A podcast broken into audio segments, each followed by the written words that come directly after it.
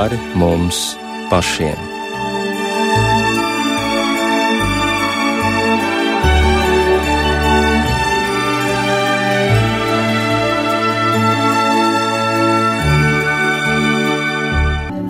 Šodien kristieši svin pūpoļu svētdienu, jeb palmu svētdienu, atceroties notikumus, kas aprakstīti evaņģēlijos. Tie stāsta par Jēzus ierašanos Jeruzalemē uz ēzelīša muguras. Viņš tiek sagaidīts kā ķēniņš, cilvēki māja ar palmu zariem, klāja savas drēbes viņa ceļā un sauca Oziāna, Dāvida dēlam. Taču Pēc pāris dienām situācija krasi mainījās, un ļaudis sauca Poncijam Pilātam, kas bija tā laika jūdejas prefekts, sit viņu krustā. Tā kā mūsu klimatiskajos apstākļos neaug palmas, bet gan šajā laikā zieda pūpoli, tad šī diena ir nosaukta par pūpolu svētdienu, kas ievada kluso nedēļu. Šajā laikā pieminam Jēzus ciešanas, kas noslēdzas ar Kristus augšām celšanās brīnumu. Un zinot, kā viss ir beidzies ar uzvaru pār nāvi, aktuāls kļūst Kristus aicinājums. Nāciet šurp pie manis, visi, kas esat bēdīgi un grūtsirdīgi. Es jūs gribu atvieglināt. Ņemiet uz sevi manu jūgu, mācieties no manis, jo es esmu lēnprātīgs un no sirds pazemīgs. Tad jūs atradīsiet atvieglojumu savām dvēselēm jo mans jūks ir patīkams un mana nasta viegla. To mēs varam izlasīt Mateja evaņģēlī 11. nodaļā. Kas ir Kristus jūks un kāpēc tas ir patīkams? Meklēsim atbildes kopā ar šī raidījuma viesiem. Studijā ir Vasaras svētku draugu apvienības bīskaps Modris Ozoliņkevičs. Labvakar. Un Baptistu mācītājs bīskapa vietnieks Edgars Godiņš. Labvakar. Vārds jūgs cilvēkiem neasociējas ne ar ko patīkamu, jo tas ir kaut kas smags un tas ir kā apgrūtinājums. Un skaidrs, ka šeit minētajā tekstā jūgs ir lietots pārnestā nozīmē, bet sākumā es gribu noskaidrot, kas ir jūgs burtiskā nozīmē. Jēzus, lai paskaidrotu kādas Dieva valstības patiesības, bieži runāja par acīm redzamiem notikumiem, lietām, norisēm. Un jūks tas ir viens koks, kur liek pāri par muguru un sajūdz kopā divus lopus, kuri tad uh, akmeņainajā augsnē vieglāk var pavilkt arklu. Tātad tas ir kāds sajūgs, kā sajūdz kopā divus vilcējus. Un uh, parasti tad izvēlējās, lai viņi būtu apmēram viena auga un viena spēka, lai tas darbs būtu produktīvs un kāds no viņiem neslinkot un kāds lai nepārpūlētos. Modra, vai tu esi mēģinājis kādreiz sajūgt divus dzīvniekus jūgā? Divus dzīvniekus jūgā es neesmu mēģinājis sajūgt, bet es esmu visu laiku lietojis sajūgu. Katru dienu automašīnās ir sajūgs, kas sajūdz kopā dzinēju ar, ar transmisiju, ja, kas pa vidu ir. Un tas arī, ja viņš strādā vai nestrādā, ir ļoti atkarīgs no tā, kā mēs virzamies vai nevirzamies uz priekšu. Tātad jūks ir kaut kas tāds, kas sasaista kopā divas lietas, lai vieglāk kaut ko varētu paveikt. Jā, tā vien liekas, ka Jēzus, domājot par, par sevi, par saviem sekotājiem, meklēja kādu piemērotu līdzību, kā varētu pateikt, kādās attiecībās viņš būs pēc savu krusta nešanas, pēc augšām celšanās. Kā tās attiecības būs, vai viņš būs prom un mācekļi vieni paši mēģinās to ārklu vilkt, bet Jēzus saka, nē, tas, tas būs viens jūks, kurā būs kopā divi - mans māceklis un es. Cilvēkiem ir vēlme būt brīviem. Kā tas iet kopā ar jūga uzlikšanu? Mēs visi esam brīvi ļoti, ļoti nosacīti. Mēs dzīvojam sabiedrībā, katrai sabiedrībai ir savi likumi rakstīti un nerakstīti, bet pats būtiskākais mēs esam radīti pēc Dieva līdzības, mēs esam radīti Dieva nodomiem un mēķiem. Mēs neesam vienkārši nejaušība šajā pasaulē, un jūkš šī gadījumā nav kaut kas smags. Patiesībā es teiktu, tā ir dzīve, kuru mēs dzīvojam, un Jēzus saka, nāc pie manis, es iešu kopā ar tevi nāc pie manis. Tas nav kaut kas vienkārši, nu, tagad es tevi dzenu, izdzenu. Jūks saistās vairāk ar to, mēs tur apspiedēji jūgā. Kaut kas, kur tevi dzēna, vēl kur tu nevēlies iet. Kristus ir kaut kas, kur Ik viena sirds patiesībā tiecas pēc dieva. Un, varu teikt, es visus vilkšu pēc sevis, un ik viens tiecas pēc glābēja, un Kristus ir nācis nomiris par mums, viņš saka, es iešu ar tevi. Visu laiku kopā sajūgts. Ja viņš labprātīgi atnāca, varētu teikt, viņš labprātīgi sevi sajūdz ar mums kopā. Tad, kad mēs nākam pie viņa, tā lieta, ko viņš neietekmē, tā ir mūsu brīvā izvēle, mūsu brīvā griba. Kad mēs ar savu gribu atnākam pie viņa, viņš ka es nostāšos kopā tev blakām un es iešu kopā ar tevi. Un vienalga, kas tev nāk priekšā, vai tas ir lauks, akmeņains, grūts, smags, kurš tev ir jār, vai tā ir viegla augstne, kur tu ej un liekas, viss ir skaisti un jauki. Ja, ja es saku, es iešu kopā ar tevi. Tas ir viņa jūks. Tā jau ir liela vēlēšanās cilvēkiem vienmēr būt brīviem, bet tas vārds brīvība ne katreiz ir tas pats produktīvākais vārds, jo tiešām, kā jau arī tikko bīskaps sacīja, Nu, nevar neviens cilvēks būt brīvs. Pat arī lielākais sliņķis, kurš neko nedara, viņš vienalga nav brīvs. Viņam gribas ēst, un viņam ir jāskatās, kā viņš to izdarīs. Un, un beigās pat nāk virsū varbūt dažādas domas, kas viņam ir līdzi jāvēl, kāpēc es dzīvoju, kāda jēga no manis, vai vispār man ir kādas intereses, kurām es būtu gatavs pakļauties un, un kaut ko īstenot. Brīvība ir ļoti nosacīts vārds, bet tas nav vienmēr laimes vārds. Un man liekas, ka tieši tajā, kad vienalga, vai cilvēks dzīvo ar jēzu vai nedzīvo, vai viņš ir ticīgs vai nē, viņš aiz sevis kaut kādu pēdiņā sarklu velk. Un uh, ir kādas problēmas, kas prasa risinājumus, uh, vai varbūt ja viņš ir arī kaut vai tikai ar sevi nodarbināts, viņam tāpat ir ļoti grūti sevi pavilkt uh, tā, ka viņš ar lielu prieku to var darīt. Un šis piedāvājums no Jēzus puses ir ļoti apbrīnojams, ka viņš saka, zini, es būšu ieinteresēts tavā dzīvē. Un lai tavu dzīve veidojās kā viens sajūgs, jūgs. Un tas, kas man pārsteidz, parasti jau jūgā liek iekšā divus vienādus bet šeit būs pilnīgi otrādi. Jēzus būs daudz lielāks, spēcīgāks, un zem tā jūga tas mazais cilvēciņš vispār nejutīs uz saviem pleciem nekādu spiedienu. Tas, ko man šķiet šis jūks viņa dzīvē mainīs, būs tas, ka viņš iemācīsies citu soļu ritmu.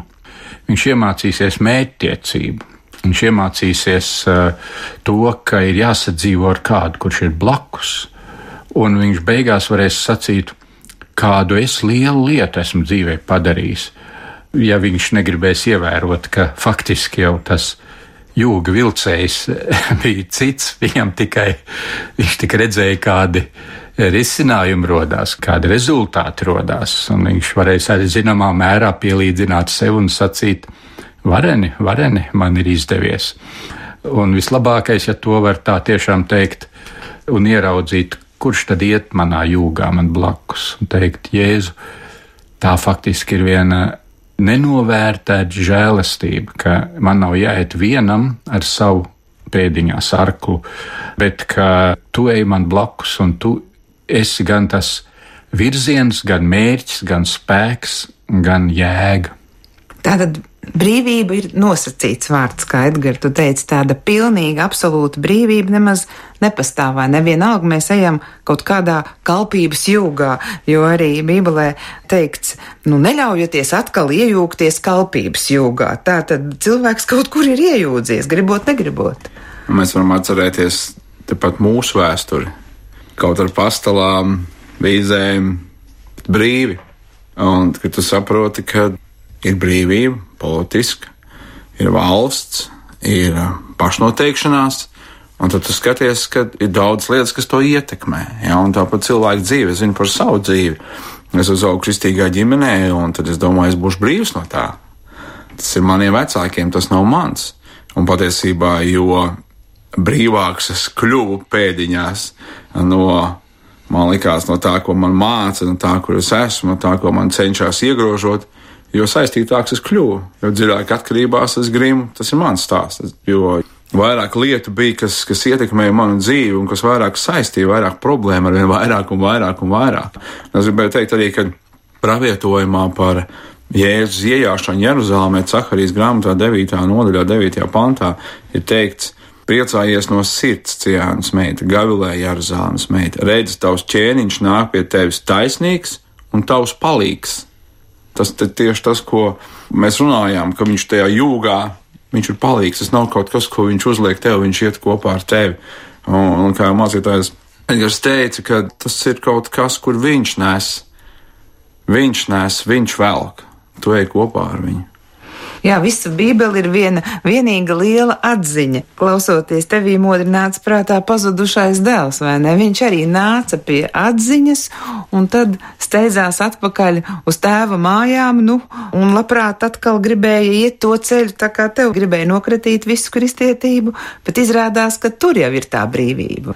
Ja mēs skatāmies cilvēku vēsturi, laiku pa laikam ir bijuši cilvēki, vai teiksim, Francija, vai revolūcija, reliģija kā tāda, pilnībā nē, jā, dievs nē, miljoniem cilvēku tika noslapkavot. Un katru reizi, kad cilvēks mēģina, kā viņam šķiet, tās reliģijas važas nokritīt, ir pilnīgi pretējs rezultāts. Pilnīgi pretējs. Jā, reliģija pati par sevi, ka tu vienkārši ej un dari lietas. No ikvienam tas ir grūti. Vienkārši iet un darīt lietas tādēļ, ka tās ir jādara. Bet, kad tu pazīsti Kristu un zini, ka viņš ir tavs glābējs, šeit viņš nāk pie tevis tavs glābējs. Tavs palīgs. Tas ir personīgi. Tas nav kaut kas privāti īpašums, kas man tagad pieder, bet tās ir personīgas attiecības. Un viņš ir atnācis pie tevis, viņš ir atnācis pazemīgs, viņš ir nomiris pie krusta, un tad, kad tu iejūdzies šajā jūgā, kā tu iejūdzies, ticot uz Jēzu Kristu, ka tu atzīsti, ka tev ir vajadzīgs glābējs, ka tu atzīsti, ka tev ir vajadzīgs kungs, tu esi ar viņu šajā vienā jūgā, un kad tu sāc iet, iet ar viņu, tu ieraugi, ka tā žēlastība, ko viņš parāda, patiesībā ir lielākā brīvība, ko cilvēks var piedzīvot. Jā, interesanti, ka Jēzus ir izmantojis tādu vārdu kā jūgs, jo tiešām tā izlasot vienreiz, otrreiz, šķiet, nu nē, tas ir kaut kas nepatīkams, bet, kas sāk iedziļināties un pētīt, tā kā mēs šeit pašlaik darām, tad tiešām tā atziņa nāk, un tad arī paverās citi vārti un cita aina vispār dzīvēi.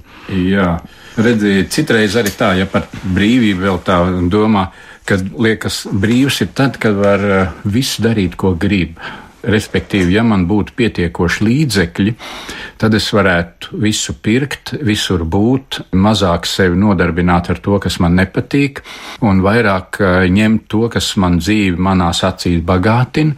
Un interesanti, ka šajā sakarībā arī netieši ar to vārdu jūgs, bet ar vārdu, ko Jēzus saka ar krusts.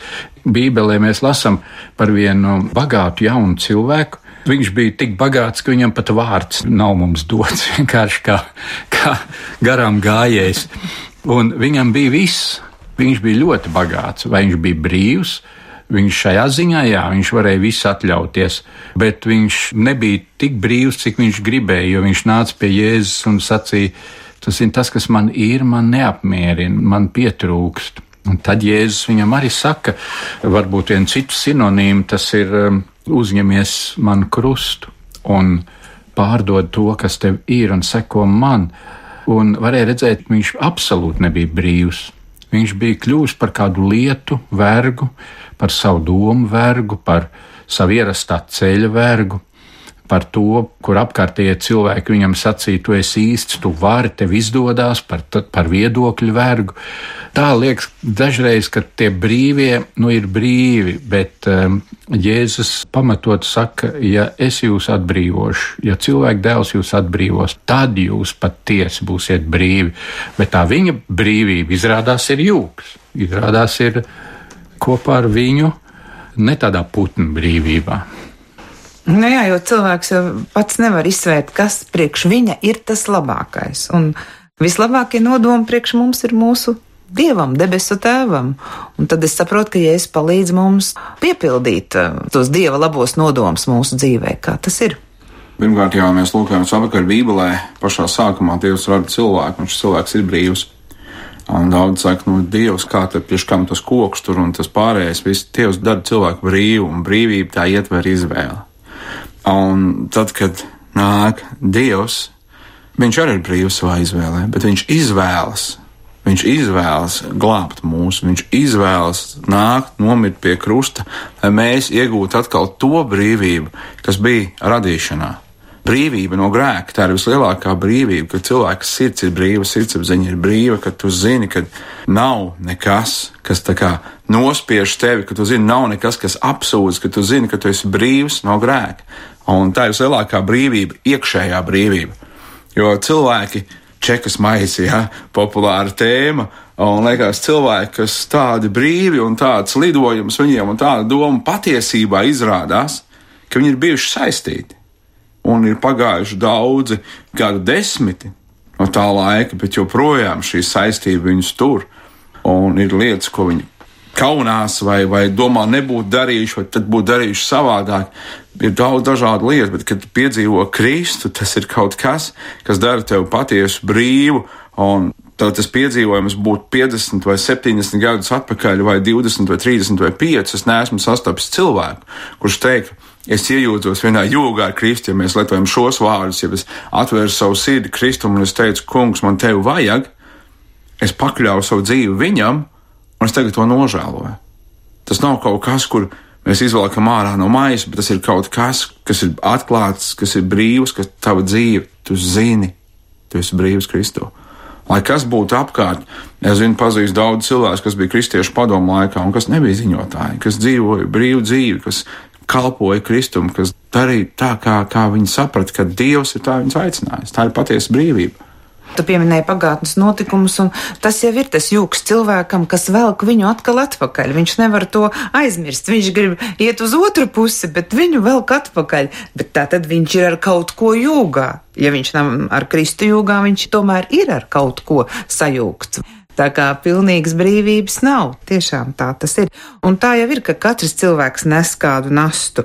Vai nasta un, un jūgs būtu viens un tas pats, ja mēs lietojam tā šos vārdus attiecībā uz cilvēku dzīvi? Katrā ziņā jūgs jau ir kāds smagums, un uh, nasta arī kāds smagums. Un Jēzus uh, nepiedāvās tik daudz smaidus, viņš piedāvā savu jūgu vai nastu vai krustu.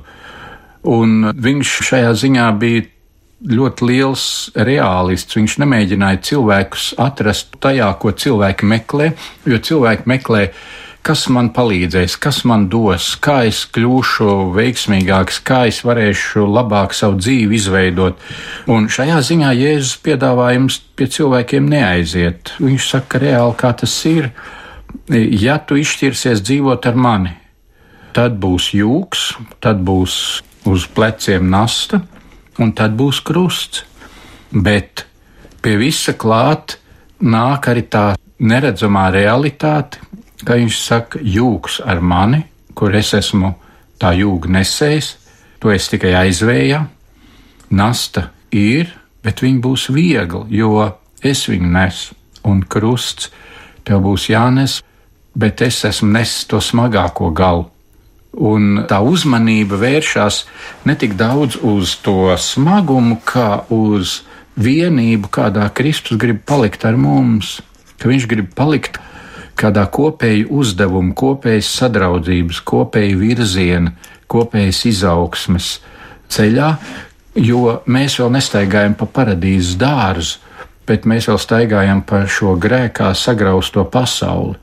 Un to jūgu jau neuzliek Jēzus, bet to jūgu pasauli uzliek Jēzum, un tāpēc viņš saka, ja jūs ar mani, tad pasauli arī jums to jūgu liks uz pleciem. Un to nastu liks nest, un to krustu liks nest, jo cilvēki netiek klāt pie dieva, bet viņi tiek klāt pie dieva personāla, un tad viņi izgāž visas dusmas un savu ļaunumu uz dievu cilvēkiem tas bieži vien ir pilnīgi neloģisks, ko viņi dara. Tur nav ne loģika, ne struktūra. Bet Jēzus saka, nebrīnieties, ja viņi man ir vajājuši, viņi arī jūs vajās, bet vienmēr būs tas smagais gals uz viņu. Un mēs tiešām, kā jau arī bīskaps sacīja, es arī esmu padzīvojis ticībā jau vairākus desmit gadu, un es varu sacīt, tie, kas ar Jēzu dzīvo, tās nastas nes, bet viņi vienmēr nav pārpūlējušies, bet dīvainā veidā iznāk, ka tā nasta ir nes uz to cilvēku. Un ka caur to nastas nešanu ir vairāk svētības nekā moks, ir raksturs mainījies, ir vērtības mainījušās, nav aiziets pa nepareiziem ceļiem, ir lielāks izvērtējums zem kādas nastas es savu plecu lieku, un beigās var sacīt tiešām Jēzu cik labi, ka man plec bija aizņemta ar tavu nastu, un ka tur nevarēja kāds cits kaut ko uzkrāmēt, kas būtu daudz smagāk. Šovakar domājam par to, kas ir Kristus jūgs un kāpēc tas ir patīkams. Raidījumā piedalās Baptistu mācītājs bīskapa vietnieks Edgars Godiņš un Vasarsvētku draugu apvienības bīskaps Modris Ozoliņkevičs. Esam noskaidrojuši, kas ir jūgs burtiskā nozīmē Tā ir tāda, nu, var teikt, ierīce, kas savstarpēji savieno divus darba dzīvniekus, teiksim, vēršus, un tad nu viņi kopējā solī iet uz priekšu un dara kādas lietas. Un Jēzus ir domājis ar to, ka viņš iet mums blakus, viņš grib būt mums palīgs. Un viņš saka, nāc pie manis, iesim kopā. Un tāda absolūta brīvība nemaz nepastāv. Par to arī jau runājām raidījuma pirmajā daļā, ka brīvība ir nosacīts vārds, un tas nav vienmēr laimes vārds. Un katram mums ir savas nastas, ko mēs nesam, un to arī var saukt par jūgu, un reizēm tās mūsu plecus nospiež, bet ja tas smaguma centrs ir uz Kristu, tad arī nastas nešana var būt vairāk mums par svētību. Un te nu tas ir jādomājot par nastām, par visu to dzīves smagumu. Man nāk prātā Jēzus vārdi, kur viņš saka, man pieder visa vara. Kā debesīs, tā arī virs zemes. Un ja mēs tam tiešām noticam, ka visa vara, tad jau tam ļaunumam, nu mēs, kā Edgars teica, nedzīvojam vēl paradīzē, ja mēs esam saistīti ar šo ļaunumu un arī ciešanas mūs skar, bet ja visa vara pieder viņam, tad viņam ir vara no visa tāda brīvot un mēs varam dzīvot laimīgi un priecīgi. Kristietība nav brīvība, nav problēmām. Kristietība ir iekšēja brīvība. Kristu, ka tu esi brīvs no grēka verdzības. Un, ja jūs teicat, pasaulē jums būs bēdas, bet turiet droši prāti, es pasaulē esmu uzvarējis. Par to jūgu mazliet vēl es gribētu piebilst, ka vislielākā bezjēdzība, vislielākais tāds jūgs, kas ir cilvēkiem un nasta, ir, ka tev zūd dzīves jēga, bet tu neredzi, kādēļ tu dzīvo, ka tev nav mērķis, ka nu, vienkārši tu peldi. Un daudz cilvēku izvēlas pabeigt savu dzīvi, tādēļ, ka viņi neredz vairs jēgu savai dzīvei, viņi neredz izēju, viņi neredz uz kurieni, kā. Un tad, kad tu esi jūgā ar Kristu, tas tev dod jēgu, tas tev dod tādu mērķi tavai dzīvei, piepildījumu, tu ej, bet viņš tev vada. Viņš piešķir nozīmīgumu arī tavai dzīvei. Cik tu esi vērtīgs, es nomiru par tevi. Un tas, ko tu dari, Kristus dara to, ko Tēvs, ko Tēvs ir sūtījis, Tēvs aicinājis. Un Kristus dzīve šeit uz zemes nav tāda bezmērķīga klīšana no ciemu uz ciemu, vienkārši klīst apkārt, nu tad viņi piesit krustā, un tad mēs esam. Nē. Krusts ir Dieva mērķis, bet arī, kad viņš iet no ciemu uz ciemu, mēs skaidri redzam evaņģēlijos, ir Dieva mērķis, ir Dieva nodoms. Cik tēvs darbojas, es darbojos. Viņš zina, ko viņš dara, viņš zina, kur viņš iet. Un ļoti būtiski ikvienam cilvēkam. Bet tu nevis vienkārši peldi, straumi, plūsti, kuru pusi apstākļi, kaut kāda situācija bīdīts. Visiem mums ir ietekmē dzīve, tas ir. Bet, kad tu ej vienā jūgā ar Kristu, tu zini, ka viņš tev vada, tu zini, uz kurien tu ej, tu zini, kāpēc tu esi. Eksistences jēga ļoti būtiski katram cilvēkam. Bet kas ir tieši jūsuprāt tas patīkamais eh, viņa jūgā? Ko jūs savā dzīvē varbūt esat piedzīvojuši? Kas ir tas patīkamais? Varbūt tā dažas lietas, ja tā var iezīmēt, tas viens ir, ka divi jūgā dara vienu un to pašu. Un ja es apzinos, ka Jēzus šajā pasaulē dara cilvēku dzīves labākas eh, caur savu pestīšanu, caur mācību un caur klātesamību svētajā garā, tad, eh, ja es esmu ar viņu jūgā, tad es varu darīt to pašu. Un tā ir tāda liela sajūta, ka es izējot cauri pasaulē, nebūšu vien kaut ko sakrājis, vai ar pateicību skatīšos uz saviem bērniem, vai varbūt uz kādu pieminekli, e, bet ka es būšu varējis darīt to, ko Jēzus darīja. Un tas atstāja kādus pēdas aiz sevis. Divi jūgā dara to pašu. Otrs, varbūt, ko varētu sacīt, ka jūks neapstājas, jūks iet uz priekšu, viņam ir mērķis un viņam ir savs uzdevums, kam viņš tiek radīts un kā, kad darbs būs pabeigts. Un man liekas, ka cilvēku ļoti nomāca tas, kā jau bīskaps arī sacīja, ka nav dzīves jēga, ka nav tāda liela izpratne, nu, kāpēc gal galā man turpināt, kādēļ man no rīta celties, kāpēc man iet un smagi strādāt, un kāpēc man smagi ciest slimībā, un kāpēc man paciest apkārtējos cilvēkus, kāda nav visam jēga. izslēgt gaismu un aiziet projām. E, bet e, tajā jūgā tur neapstājas, jo Jēzus ved pretī tam mērķim, kurš būs mums ļoti svarīgs. Un ja mēs šodien esam Palmas svētdienā, kad Jēzus ienāk Jeruzalemē un, un nāk pie savas tautas, tad e, tā ir viena kustība, kurai ir ļoti noteikts mērķis, un tas atnāk Viņš atnāk, lai ciestu un mirtu, lai vēlāk miljardiem cilvēku pasaulē sacītu, tāpēc, Jēzu, ka tu savu ceļu nogāji, mēs varam arī savu ceļu noiet. Un šis atbrīvojošais uh, dzīves jēgas ceļš turpinās. Atrasties jūgā ar Jēzu nozīmē neapstāties tur. Un varbūt vēl viens, ka tas, kurš ir jūgā, tas neskrien savos ceļos. Viņam nav tik daudz svarīgi savu plāniņu, Un tā, ka beigās ir noskrējies, bet skatās atpakaļ un saka, tukšība vien bija, kam man dzīve gan ir izdzīvot. Eh, bet tas var skatīties un sacīt, Dievs, tu esi vairāk man devis, nekā es biju domājis, nekā es biju vērts, nekā es biju cerējis. Un tad vēl varbūt jūgā stiprākajam ļauj vadīt. Un tā tomēr ir viena laba sajūta, ja viss atbildība nav pie manis un ka es varu ļaut stiprākiem vadīt un sacīt, Jēzu, es ceļu nezinu, bet tu zini. E, man spēks sāk izsīkt, bet tev vēl nē. Man liekas, ka šī lieta varētu būt bezjēdzīga, bet ja tu tajā vadi, tu redz, ka tā beigās nesīs lielu ieguvumu un rezultātu. Ļaut stiprākiem vadīt, tā ir viena brīvība. Rādījums pāri mums pašiem. Jā. Jā, tas ir laikam tieši tas, tas vieglums, kas ir pāri mums pašiem. Manā nespējā viņa spēks parādās. Kad man ir neziņa, Bībelē sakam, trūks gudrības, lūdzu viņam. Viņš dod visiem nepārmestams. Kristus ir daudz lielāks, pārāks par mums pašiem, kad mēs esam šajā jūgā. Es biju izdomājis savu dzīves ceļu, es biju izdomājis, ko es gribu, kā es gribu, un, un cik ilgā laikā es gribu, un arī mērķiecīgs cilvēks, un es gāju uz to. Diemžēl nevienmēr tas sanāk. Tu saskaries ar dažādām lietām, un, Un uh, man bija grūti pieņemt to, lai gan es biju uzticējis savu dzīvi Dievam, man bija grūti pieņemt to, ka Dievam ir mērķis un plāns manai dzīvei. Un kad es skatos tagad atpakaļ, tas ir viens no tādiem brīnišķīgākajiem brīžiem manā dzīvē, kad es teicu, kungs, ne mans, bet tavs prāts lai notiek. Kad es pakļāvos šim stiprākajam šajā jūgā, ja, un kad tu sāc iet blakus, kad tu sāc iet un tu redzi to darbu, kas tiek izdarīts, tu redzi, kur tu esi, tu redzi, ko Dievs izdara, un tas ir pāri par tevi pašu. Un šī apziņa, šī apziņa, ka tas nav vienkārši es te, es liels un varens, bet šī apziņa, ka ir lielais Dievs, jo te ir cauri priekiem, slavu Dievam, te ir cauri bērnām, te ir cauri nāves ielējai.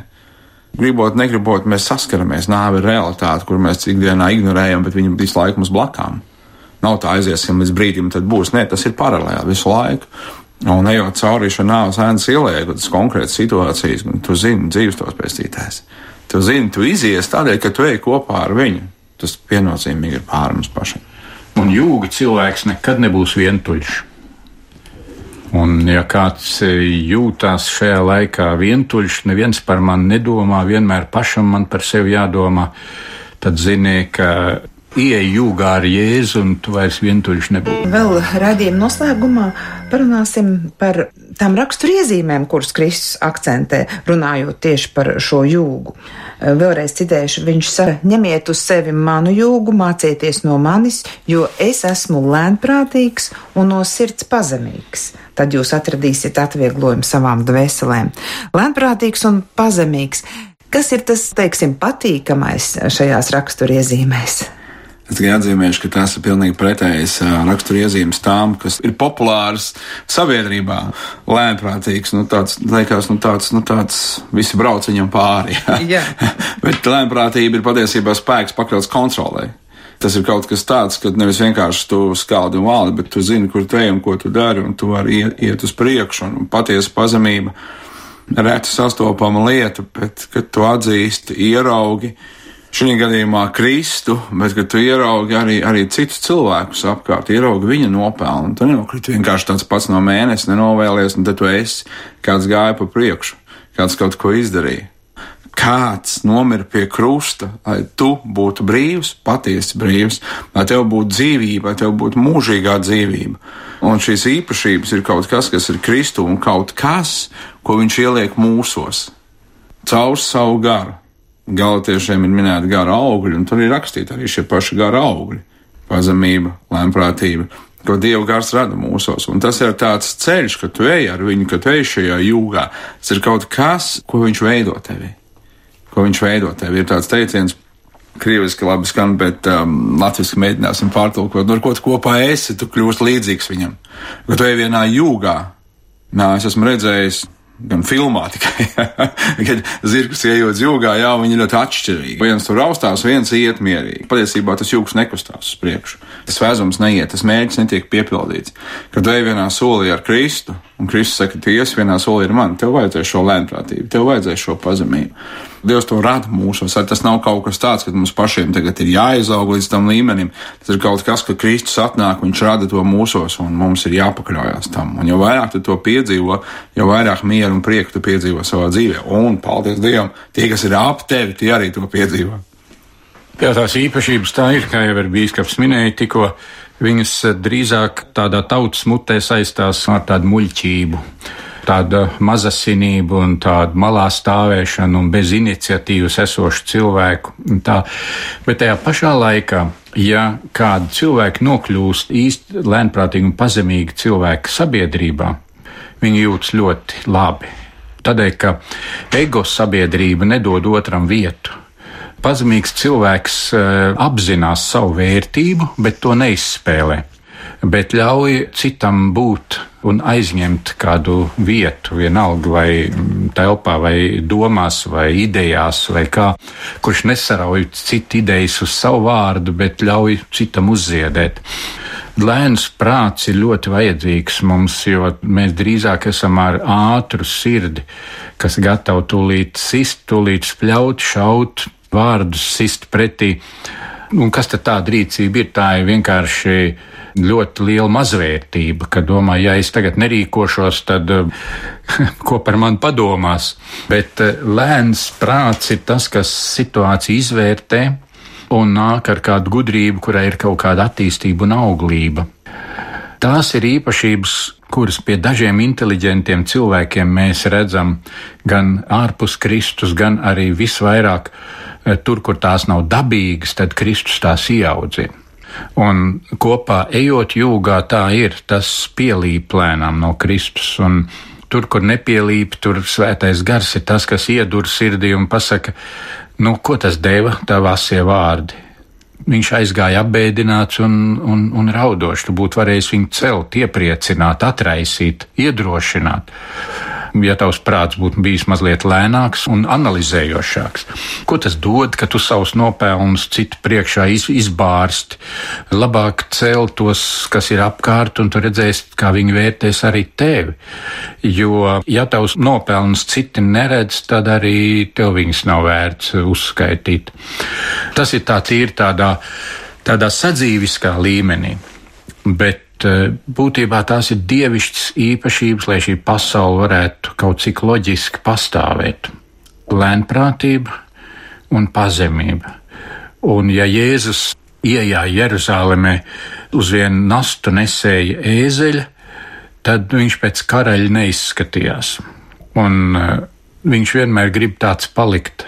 Viņš ir karalis augstākais, bet kurš atnāk pie zemākā kurš atnāk saprotami, kurš atnāk, eh, lai nostātos blakus, kurš atnāk, lai parādītu un apliecinātu, man nav pa grūti apstāties pie spitālīga, pie akla, pie tā, kas ir nospiests, pie tā, kas ir slims, pie tā, kuram dzīves mērķis ir pazudis. Man nav par grūti to izdarīt. Tādēļ, ja viņš ir nācis pasaulē, lai aizsniegtu ikvienu, un pie krusta ejot, viņš jau negāja sevis dēļ. Tā bija viņa pazemība, tā bija viņa lēnprātība, ka viņš teica, Dievs, ja tas var iet garām, lai iet garām, bet ja nē, tad tavs prāts ir augstāks par manu. Un no viņa nāves un augšām celšanās mēs dzīvojam. Tad rezumējot mūsu sarunu par Kristus jūgu, kā tad ir, ejot kopā ar viņu vienā jūgā, smaguma nav. ir atvieglojums. Mēs joprojām esam cilvēki, mums sāp. Ir dusmas, ir aizvainojums, ir rūkums. Tas ir cilvēcīgas īpašības, ko mēs sajūtam savā sirdī. Uh, nav tā, ka viss darbs kļūst viegls pēkšņi, jā, bet ir kaut kas lielāks par to. Ir brīvība, ir miers, ir prieks, ir jēga, ir saturs, ir piepildījums. Un, kad veic cauri kādām lietām, tu zini, kāpēc paciesties, kāpēc būt pacietīgam, kāpēc būt lēmprātīgam, kāpēc būt pazemīgam. Tu zini, un tu ieraugi to jēgu, tu ieraugi vairāk, saproti, ieraugi, es tā varētu teikt, dzīves jēgu, ejot cauri ar viņu. Un, protams, visās bēdās, skumjās, ikvienā situācijā, ne tikai pēdējās, kur mums arī priekos, jā, uzvarās, tu zini, ka Kristus ir kopā ar tevi ar brīnišķīgu dziesmu, glābējs mans ir dzīves. Man ļoti patīk tā dziesma. Es redzu Pēteri, kurš slīkst jūrā, Jēzus izstiep roku un paceļ viņu. Viņi ir abi laivā. Es redzu Lācaru, kurš ir miris. Jēzus saka, nāc ārā, viņš nāk ārā no kapa. Ja? Es redzu izsalkušus cilvēkus, Jēzus viņus pabaro. Un tas ir tas pats Jēzus manā dzīvē. Ejot kopā ar Jēzu, esot vienā jūgā ar Jēzu, tas ir tas pats Jēzus, ko es lasu. Viņš ir tāds manā dzīvē. Viennozīmīgi. Jā, šī pasaule ir pilna ar kliedzieniem uz Dievu, kāpēc Dievs, kāpēc. Un eh, tā ir, ka tas mūsu redzamības un sajūtu lokus ir diezgan ierobežots. Eh, bet ejot ar Jēzu vienā jūgā, var sacīt, es neredzu, viņš redz. Un vienmēr ar laiku arī mēs ieraugam, un tad mēs sakam paldies, ka tu vedi, ka tu izvedi tam ir jēga. Citādi paliek ar saviem kāpēc viens pats. Mums priekšā vēl ir viena nedēļa līdz lieldienām, kuru sauc par kluso nedēļu. Tas ir katra paša ziņā, kā viņš to pavada, cik klusi, cik gremdējoties pārdomās, cik varbūt vienkārši darot savus darbus un priecājoties par to, ka Kristus ir augšām cēlies, jo tas jau sen ir noticis. Ko jūs novēlētu klausītājiem šajā nedēļā, kas tomēr nu, ir īpaša nedēļa visā gada ritējumā? Jā, cilvēki ļoti labprāt gribētu lekt pāri no savas ikdienas uz augšām celšanos, lai nav kājas jāpieskar pie zemes lielajā piekdienā un notikumos, kad Kristus cieš un mirst. Bet uh, miršana mūsu dzīvē ir atraisīšana, jo tikai tāds, kas ar Kristu ir miris, tāds patiesi ar viņu var dzīvot. Un es jums un sev novēlētu šajā nedēļā īsti apskatīt, kurš vairāk manī dzīvo, es vai Kristus, un ja es, tad lai tas iet nāvē, tad ar Kristu būs augšām celšanās. Es gribētu pats sev un um, ikvienam novēlēt, patiešām no sirds novēlēt šo lieldienu notikumu atkal un atkal piedzīvot un izprast. Jo tas, ko Kristus priekš mums ir izdarījis, ir daudz pārāks par katru atziņu un izpratni. Un, Dievs dod mums atklāsmi par to, ko Kristus ir padarījis priekš mums, ko Dievs padarīja priekš mums, un lai katrs to piedzīvo savā dzīvē. Izskan raidījums pāri mums pašiem. Šovakar studijā bija Vasaras svētku draugu apvienības biskups Modris Uzolinkēvičs un baptistu mācītājs, biskupa vietnieks Edgars Godiņš. Ar viņiem sarunājās Rīta Bružēvica, lai jums svētīgs šis pārdomu laiks līdz lieldienām un ar gavilēm un prieku saistītas lieldienas, jeb Kristus augšām celšanās svētki. Ar labvakar!